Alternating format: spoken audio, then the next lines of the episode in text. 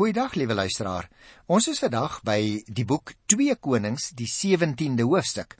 Nou as jy gereeld luister, sal jy weet ek moet ongelukkig baie keer so 2, soms selfs 3 hoofstukke te gelyk behandel, anders gaan ons nooit klaar kry nie. Maar as jy vandag vir die eerste keer inskakel, dan wil ek uh, dadelik vir jou gerus stel vandag gaan ek net een hoofstuk behandel, naamlik hierdie 17de hoofstuk van die boek 2 Konings. En ek wil graag vir jou uitnooi om as dit jou eerste keer is vandag in die toekoms gereeld by ons in te skakel. Dit is eintlik soos 'n bus wat al in die rondte ry.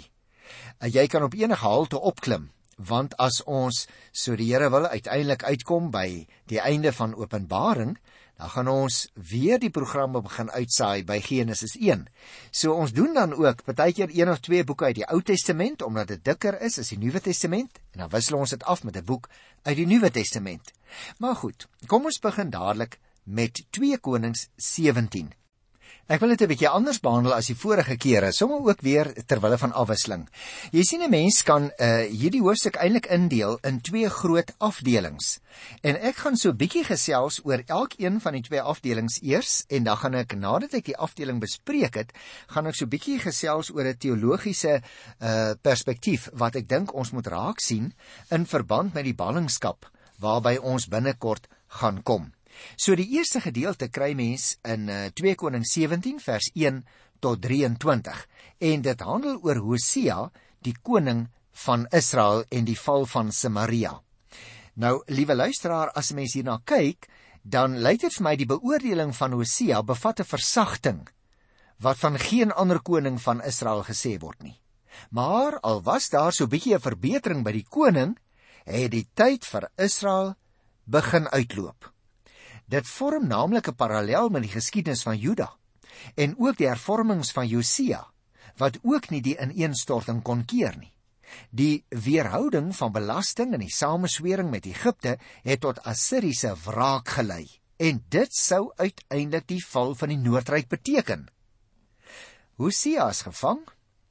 Na 'n beleg van byna 3 jaar in Samaria is die stad ingeneem en die inwoners na Assirië weggevoer om te verhoed dat hulle weer in opstand sou kom, is hulle in groepe oral oor die ryk versprei. En daarmee natuurlik het die Noordryk opgehou om te bestaan. Maar kom ons lees 'n paar van die verse, dan kan jy verstaan hoekom die Assiriërs besluit het om hulle vlammetjie uit te doof. In die 12de regeringsjaar van koning Agas van Juda het Hosea, die seun van Ela, koning geword en hy het 9 jaar in Samaria oor Israel regeer. Hy het gedoen wat verkeerd was in die oë van die Here. Maar hy was nie so erg soos die konings van Israel voor hom nie. Toe koning Salmaneser van Assirië teen hom opgeruk het, het hy hom aan die koning van Assirië onderwerp en aan hom belasting betaal. Die koning van Assirië het uitgevind dat Hosea teen hom saam sweer deurdat hy gesande na koning So van Egipte gestuur het en nie die jaarlikse belasting aan die koning van Assirië betaal het nie. So jy sien liewe luisteraar, dit is baie duidelik waarom die Assiriërs uiteindelik Samaria onder beleg geplaas het. Want hulle het nie meer van die Israelitiese koning in die Noordryk die gereelde belasting wat hulle moes betaal ontvang nie. Nou sê die Bybel, daarom het hy vir Hosea laat vang en hom in die tronk opgesluit.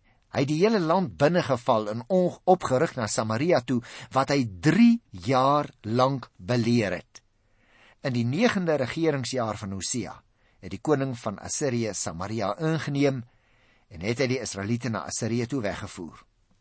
Nou ek wil nog 'n bietjie met jou hieroor gesels, liewe luisteraar, want ek dink dit is vir ons baie belangrik dat ons dit baie goed sal verstaan. Hosea het die mag deur middel van geweld verkry Onthou jy nog daar by die 15de hoofstuk, die 30ste vers het ek dit ook vir jou uitgewys.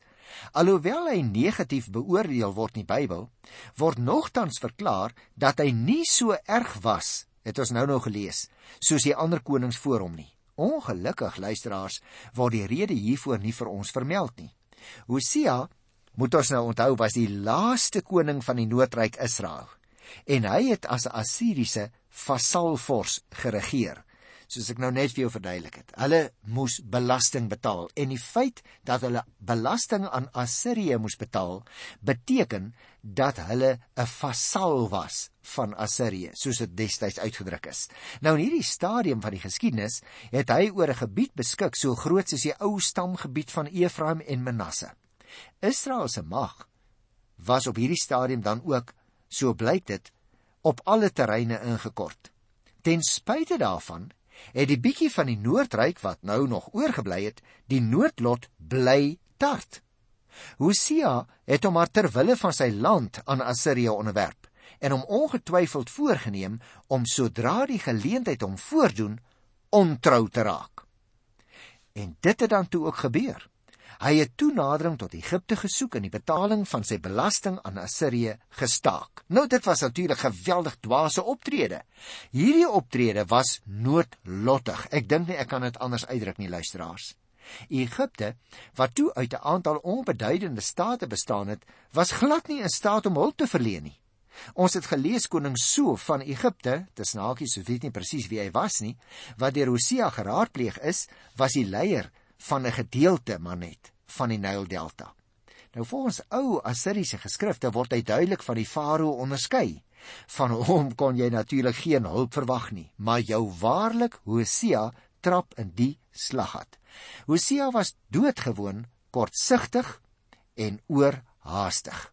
In die jaar 724 voor Christus het Salmaneser die 5de Israel aangeval. Hosea het voor hom verskyn En in die derde vers beloof hy aan hom opnuut trou. Maar toe Salmaneser die 5de besef, dit was maar net lippediens. En dat hulp van Egipte gevra is in die tussentyd, het hy die hele land binnegeval, het vers 5 ons vertel. En die gevolg was Hosea is gevange geneem. Samaria, sal jy nog onthou, was goed geleë en dit was 'n magtige vesting. En dit sou natuurlik die Assiriërs 3 jaar uiteindelik neem om dit te verower. In die jaar 722 voor Christus het die pragtige hoofstad Samaria, geleë op die Samaria berg wat soos 'n skouer uitstaan op die vrugbare Jesreel vlakte, voor die Assiriërs geval. En ooreenkomstig Assiriese beleid is van die inwoners weggevoer. Ons het dit gelees tot by die Gabor rivier.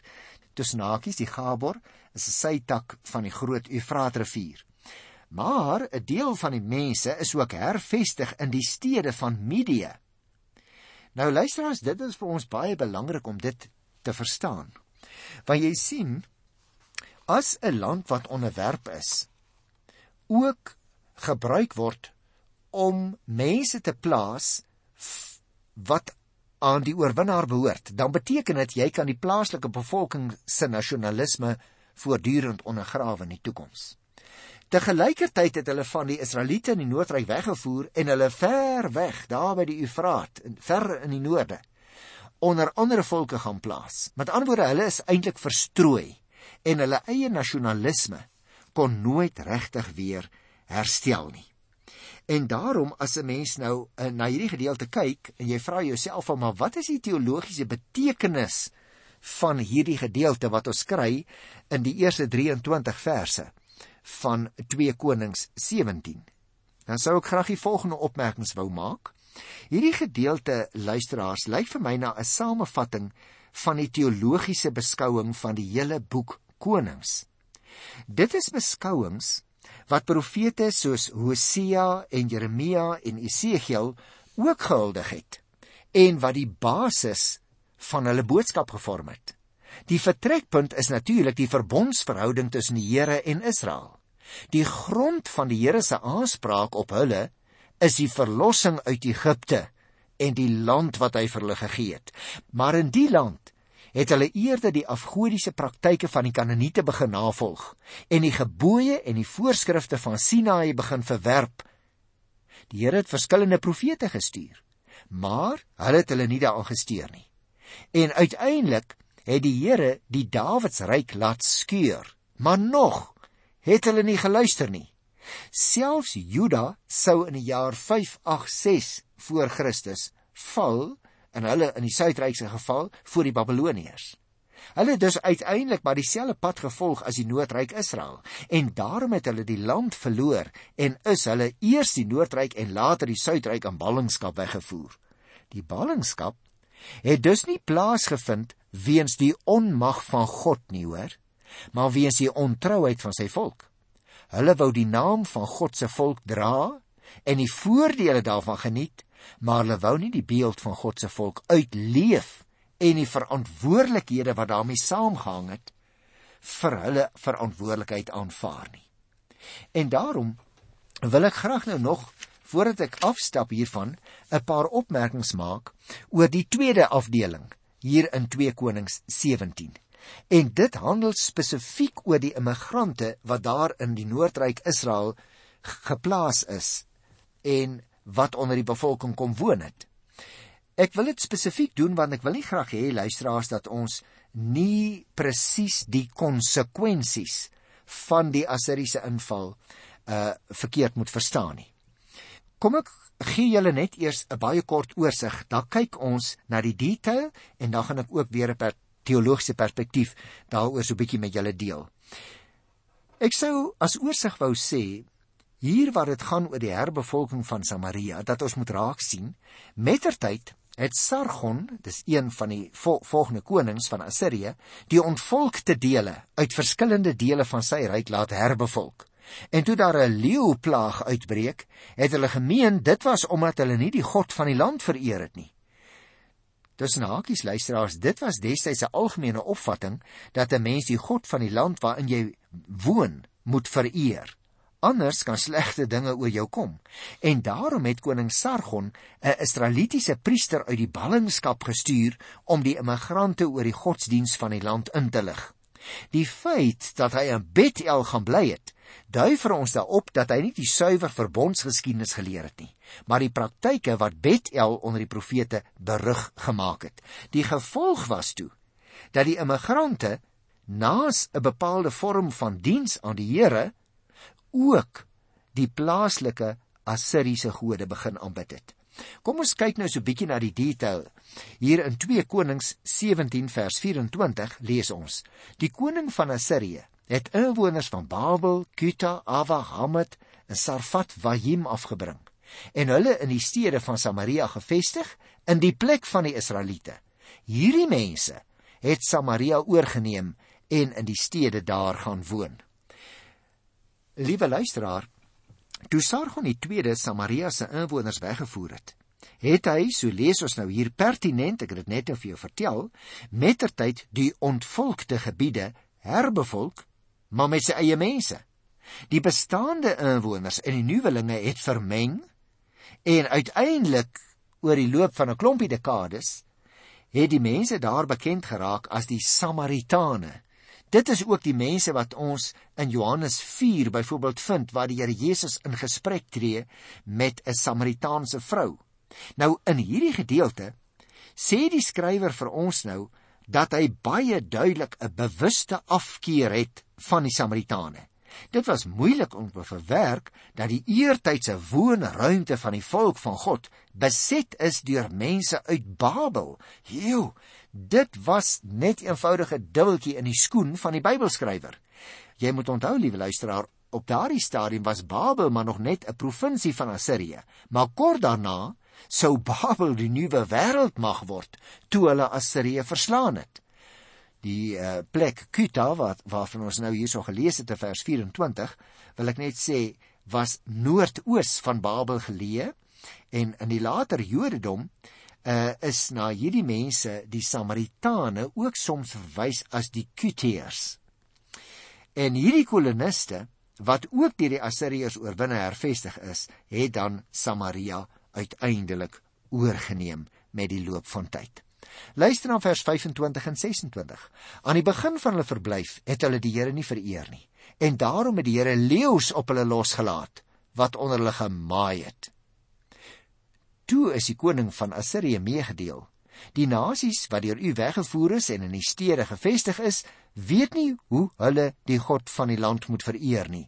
Nou het hy leeu's op hulle losgelaat wat hulle doodgemaak het. Dit het gebeur net omdat hulle nie presies weet watter verering hulle aan die God van die land verskuldig is nie. Toe die koning van Assirië opdrag gegee dat hulle een van die priesters wat uit Israel weggevoer is, soontoe moes bring. Jy sien, ek het net vir jou gesê dat 'n leeuplaag gekom en hier sien ons dit. 'n Leeuplaag het uitgebreek en die rede hiervoor wat die Bybelskrywer aangee, is dat hulle die Here nie vereer het nie.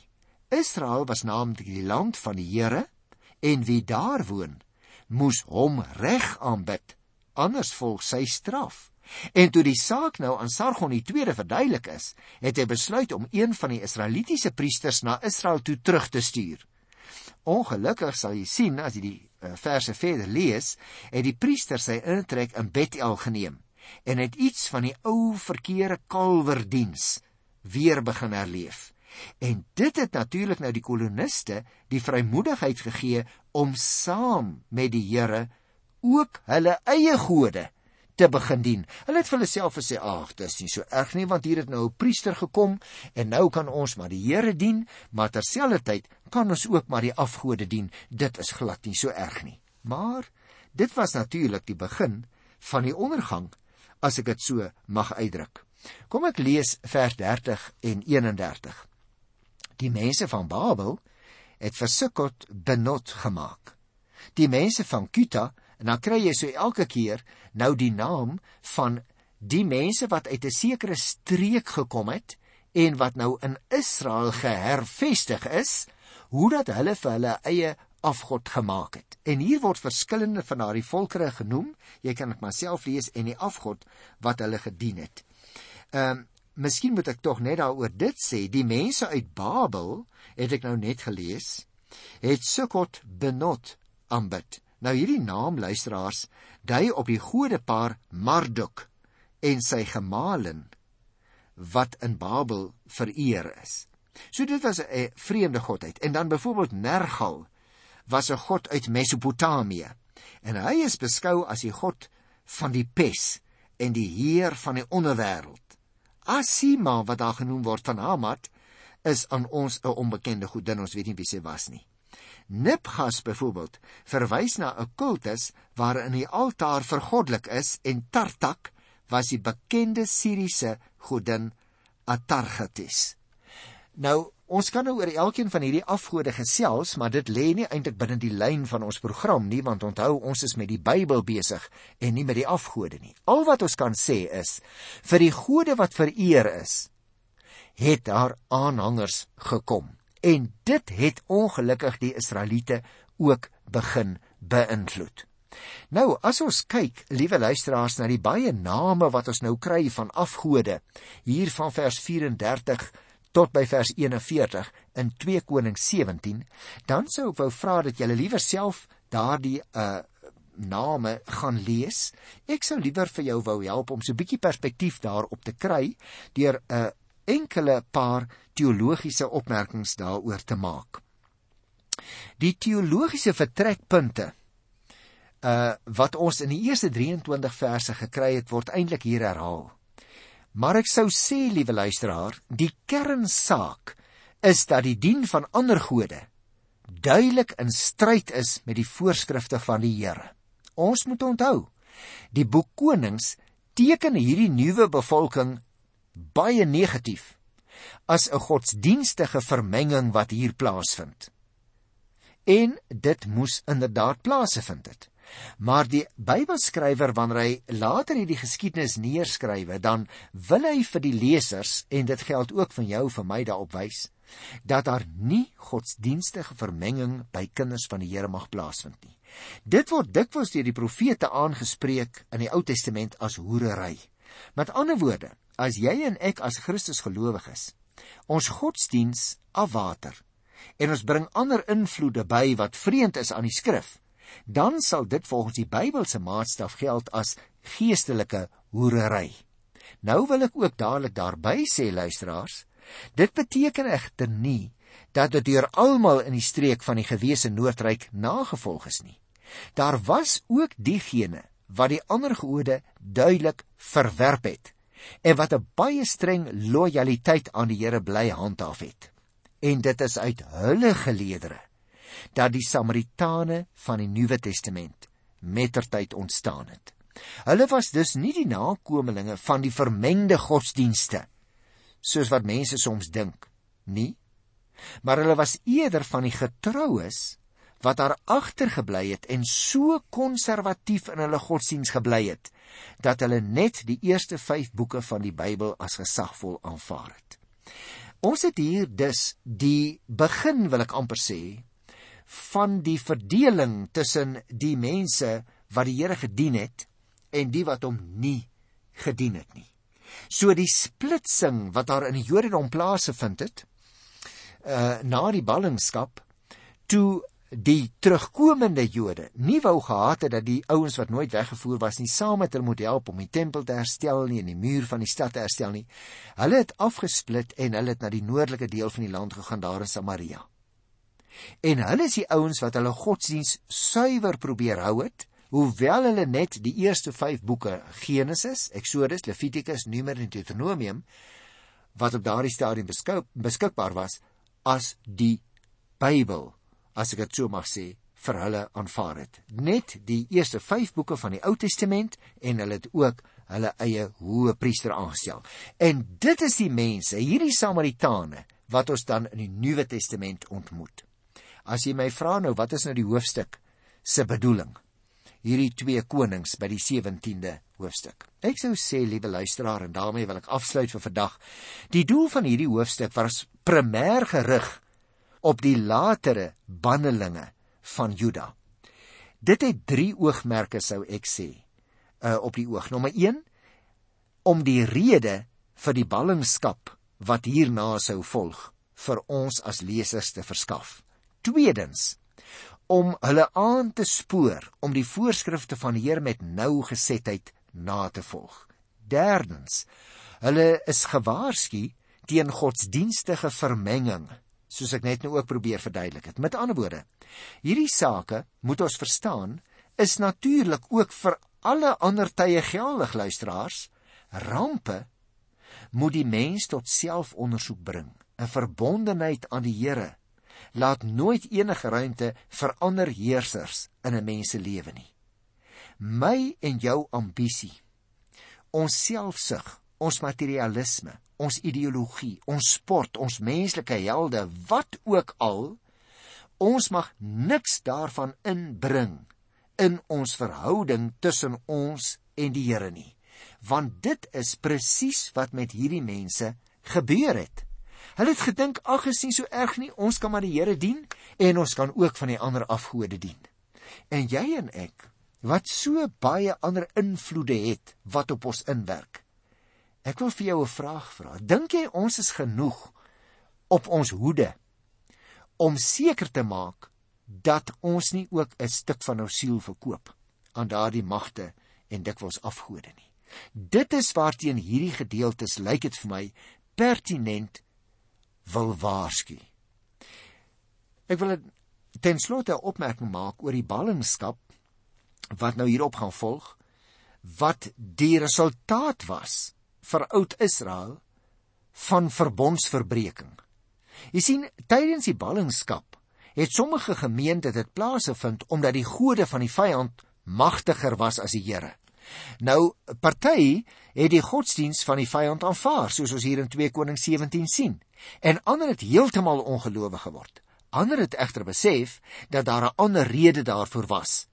Die volk het die verbond verbreek en daarom self die ramp oor hulle gebring. Trouwens luisteraars, dis dan waarteen die profete van die Here hulle al die jare gewaarsku het en hulle het nie geluister nie.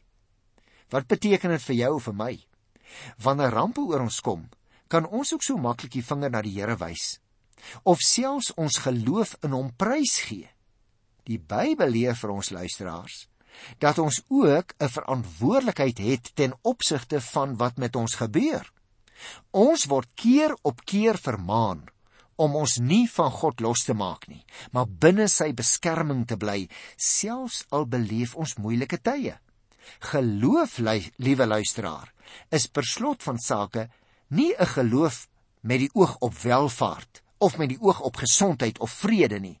Maar geloof is 'n geloof met die oog op 'n bepaalde verhouding met God ten spyte van teëspoed. Daarom roep ons tyd ons ook op terug na die Here toe. Die Bybel vir vandag wil vir ons sê, luister na die Here. Moet geen ander krag, geen ander godheid, geen ander baas in jou lewe toelaat nie. Net die Here met wie jy en ek in verhouding moet lewe. Ek groet jou in sy wonderlike naam. Tot volgende keer. Tot dan. Totsiens.